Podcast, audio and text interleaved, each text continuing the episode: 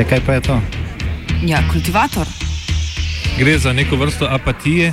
To lahko reče samo kreten, noben drug. Socialni invalid in ga je ne mogoče urejati. Drugi kandidat. Pa, pa pije, kadi, masturbira, vse kako hoče lahko počne. Nihče tega ne ve. Vsak petek skultiviramo dogodek tedna. Lahko po kriterijih radio študent, težko pa po evropskih kriterijih. Ampak na drug način, kot vi tu mislite. Kultivator vedno užge. Da pač nekdo sploh omenja probleme, ki so, in da pravzaprav sploh nekdo sproži dogajanje uh, v družbi. To drži, drži. Mramorjevo slovo. Preden so se poslanci odpravili na počitnice, je slovensko politično sceno razburkala še zadnja sprememba v koaliciji. Odstopil je finančni minister Dušan Mramor. Kljub temu, da je v vlado stopil kot strokovnjak in ne politik, je imel v vladi poleg premijeja Mira Cerarja najmočnejši vpliv. V vladnem kabinetu bo za Mramorjem gotovo ostala precejšnja praznina. Kdo ga bo nadomestil, bo znano septembra. Danes pa se sogovorniki iz politike in socialnimi partnerji pogovarjamo o tem, kako ocenjujejo delo odhajajočega ministra in kakšni izzivi čakajo njegovega naslednika.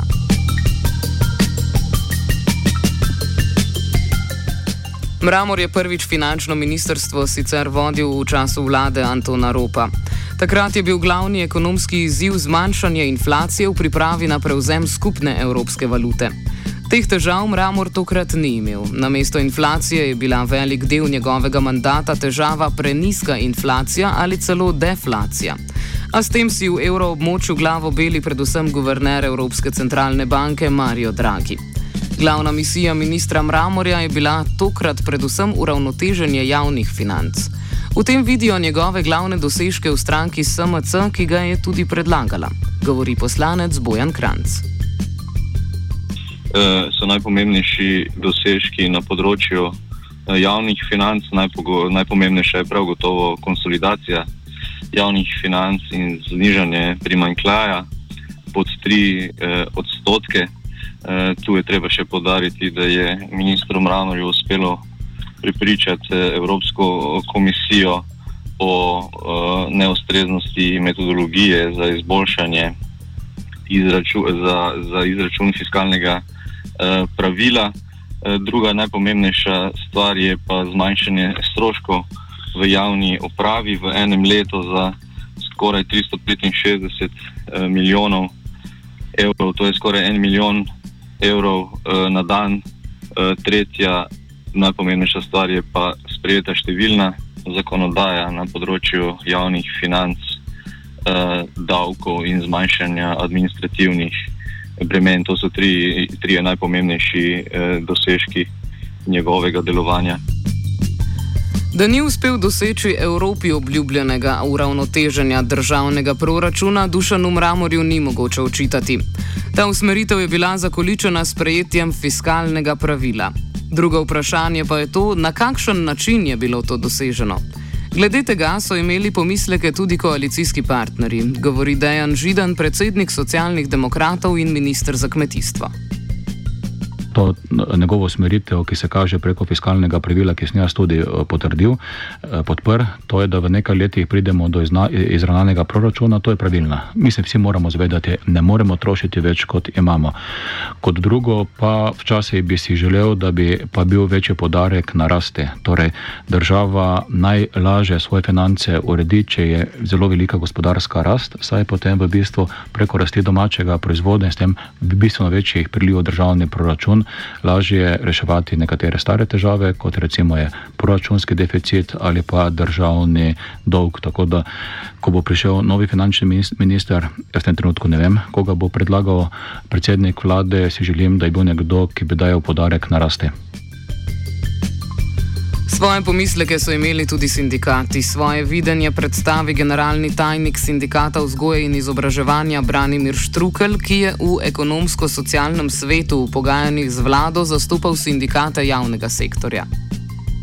Eh, ni nobenega dvoma, da je bil gospod Mramor med boljšimi poznavalci uh, problematike, s katero se finančni ministri ukvarjajo. Imeli smo nekaj finančnih ministrov, ki so um, rekel, vprašljivo obladovali svoj, svoj posel. Vendar s tem nisem rekel še popolnoma ničesar o tem, uh, um, ali, je njegov, ali je bil njegov mandat dober, kakovosten, uspešen. Uh, ker to niso prava vprašanja, prava vprašanja se za koga uh, ali komu uh, je bilo uh, kaj oduzeto ali pa kaj dobrega storjeno. Bruslu, Sloveniji, delavcem, kapitalu, skratka, to so tiste vprašanja, ki verjetno vrednotijo na koncu uh, delo nekega ministra. Ministr Mramor je imel dober sloves v mednarodnem finančnem svetu. Financial Times ga je letos imenoval za Evropskega finančnega ministra leta. A zapomnili si ga bomo tudi po njegovih izjavah med lanskoletnim reševanjem grške krize. Tu je Mramor skupaj s kolegi iz vzhodnoevropskih držav zauzel Grčiji najbolj nenaklonjeno stališče. Takratni grški finančni minister Janis Varoufakis je kasneje povedal, da je bil Mramor prvi, ki je na sestankih evropskih finančnih ministrov začel govoriti o možnosti izstopa Grčije iz evroobmočja. Takrat je veljalo, da je to prvič predlagal nemški finančni minister Wolfgang Schäuble, za kar je bil ostro kritiziran. Poslušnost Nemčiji je sicer v času ministra Mramorja postala še bolj izrazita kot do sedaj. Razlaga Branimir Štrukel kar ni bilo tako očitno v, sami, uh, v samem delovanju našega ministra, da je bil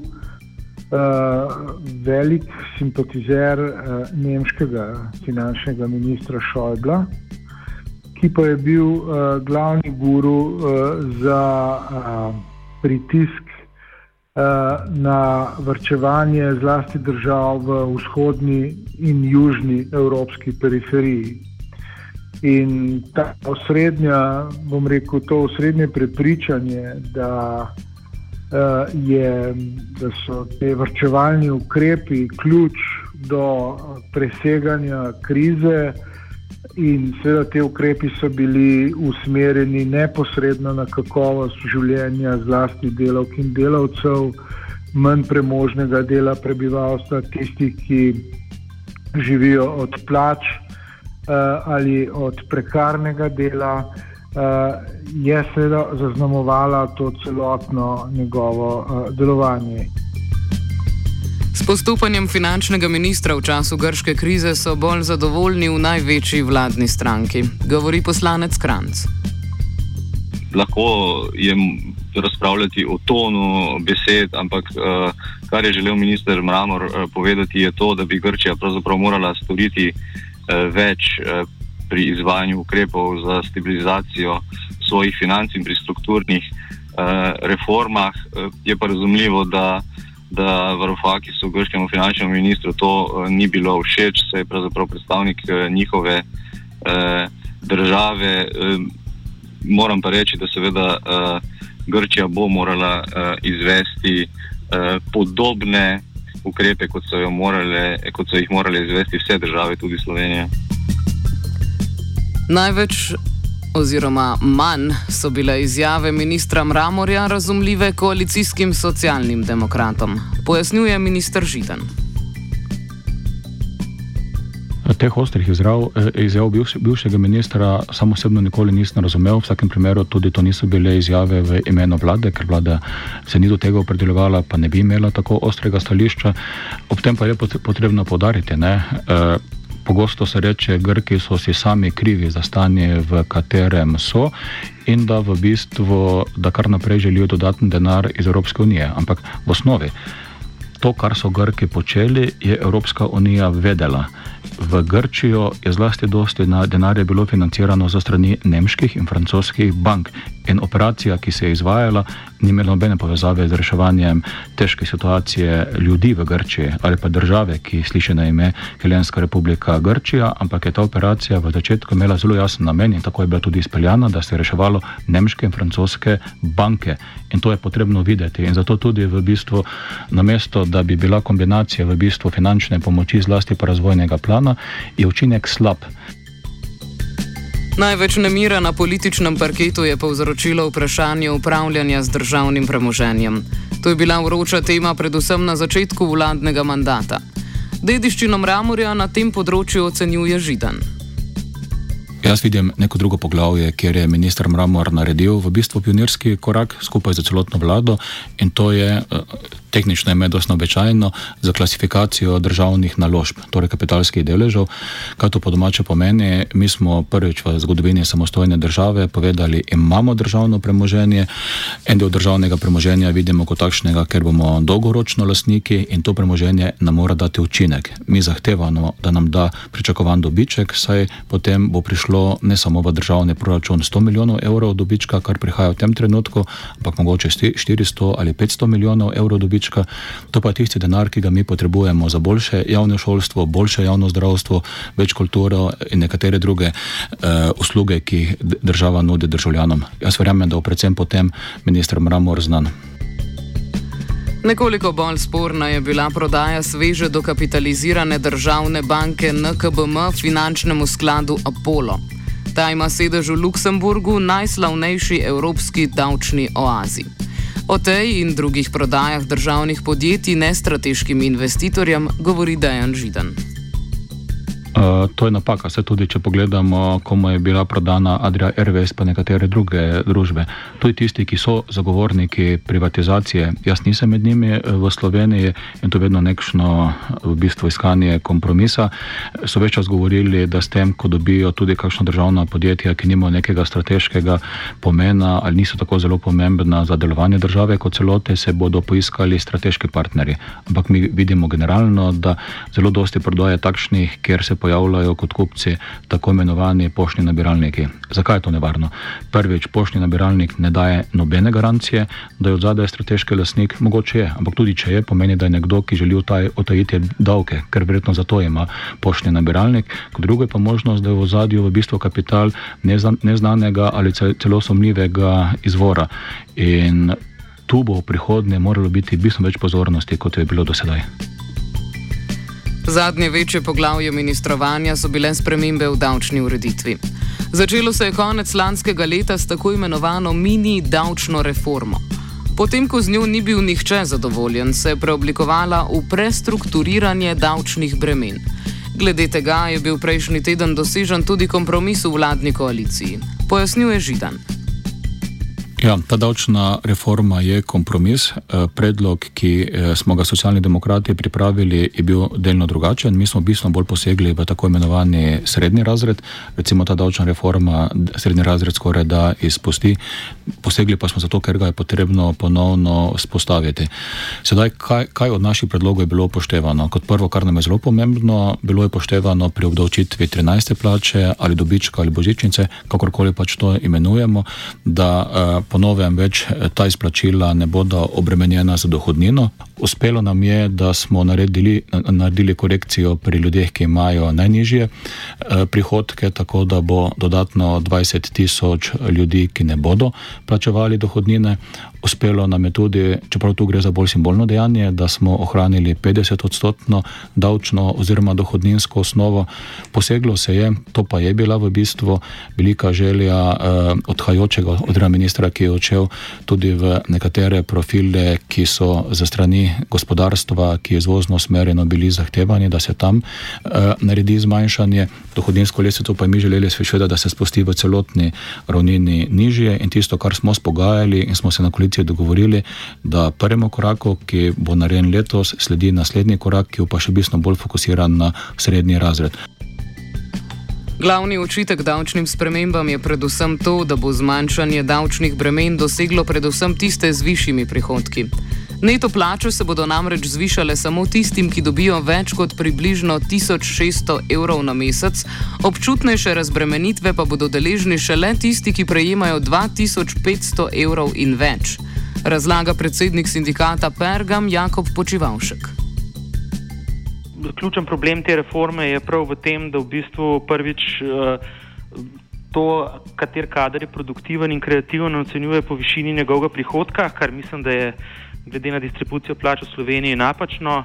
Kot drugo, seveda pa največji problem to, da razbremenjuje uh, izključno v bistvu kadre s plačo nad približno 2500 evrov na vzgor, uh, pri čemer so najvišje razbremenitve prav pri plačah v bistvu tistih z najvišjimi prejemki, kjer seveda ni um, raznega razvojnega kadra, ampak so primarno funkcionarji in, in, in menedžerji. Uh, in seveda, po našem mnenju, bi bilo potrebno absolutno razbremeniti tudi uh, večkrat sicer deklarativno omenjeni srednji sloj, ampak uh, če govorimo seveda zlasti tisti del uh, zaposlenih, ki prejemajo prejemke tam okrog poprečne plače, uh, ki jih ta v bistvu prerasporeditev davčnih bremen popolnoma v ničemer ne, ne razbremenjuje, je pa dobrodošlo to, da se je opustilo idejo o tem, da se Eh, zniža najvišja stopnja dohodnine in pa da se dviguje eh, tisti prak, do katerega je posameznik, so tisti z najnižjimi prejemki upravičeni do uh, najviše stopnje splošne davčne olajšave, uh, pri čemer je, bo predlog v okviru dav, uh, tudi uh, javne razprave v zvezi s tem zakonom, da se ta sprememba uveljavi v bistvu uh, retroaktivno, se pravi, da bi veljala že za leto 2016 ko je bila tudi uvedena sprememba definicije minimalne plače. Eden zadnjih aktov ministra Mramorja je bilo sprejetje fiskalnih načrtov do leta 2020. Nezaključena pa obstajajo oziroma ostajajo pogajanja z javnim sektorjem o končanju ukrepov, ki jih je uvedel zakon o uravnoteženju javnih financ, ki je bil sprejet še v Janševi vladi. Z opisom nezaključenih pogajanj današnji kultivator zaključi počivalšek. Jaz ne bom ocenjeval, če ga krivda na vladni strani. To je definitivno pa vladna stran, eh, tudi po moji oceni, je zavlačevala oziroma pogajanja še vedno vodi na način, v bistvu, ki po moje ne vodi k tem, da bi bilo možno skleniti uh, dogovor, ker še vedno se ne pogovarjamo v tistih okvirih. Uh, ki jih je določil v bistvu dogovor med vlado in sindikati javnega sektorja, konec leta 2015, še vedno, po, še vedno vlada predlaga daljše obdobje za postopno odpravo vrčevalnih ukrepov in še vedno ustraja na tem, da se v bistvu v letu 2017 ne sprosti noben uh, od preostalih vrčevalnih ukrepov, kar seveda je uh, velik problem ne? in gotovo pač je finančni minister imel pomembno besedo pri tem, ko uh, je vlada razpravljala o mandatu pogajalske skupine ne, in, in verjetno je tudi to eden od razlogov, zakaj so se pogajanja v tem trenutku znašla v neki bolj ali manj slepi ulici. Tako da mislim, da bo v prihodnje pač tudi na tem področju potrebno uh, uh, prvič nekoliko več uh, imeti občutka za to, da se pogajanja pripeljajo do zaključka. Uh, na drugi strani pa tudi. Uh, tudi ta pogajanja nekako voditi na način, ne, da se pogajalski skupini ne sestajate na način, da se zgolj, uh, zgolj se, seznanta stališča ene ali pa druge strani, ne, ampak dejansko, da imate tudi nek mandat, v okviru katerega lahko dosežete dogovor. Kultiviral je gal.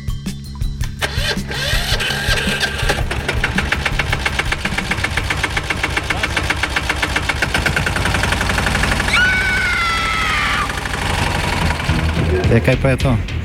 Ja, kultivator. Gre za neko vrsto apatije. To lahko reče samo kreten, noben drug.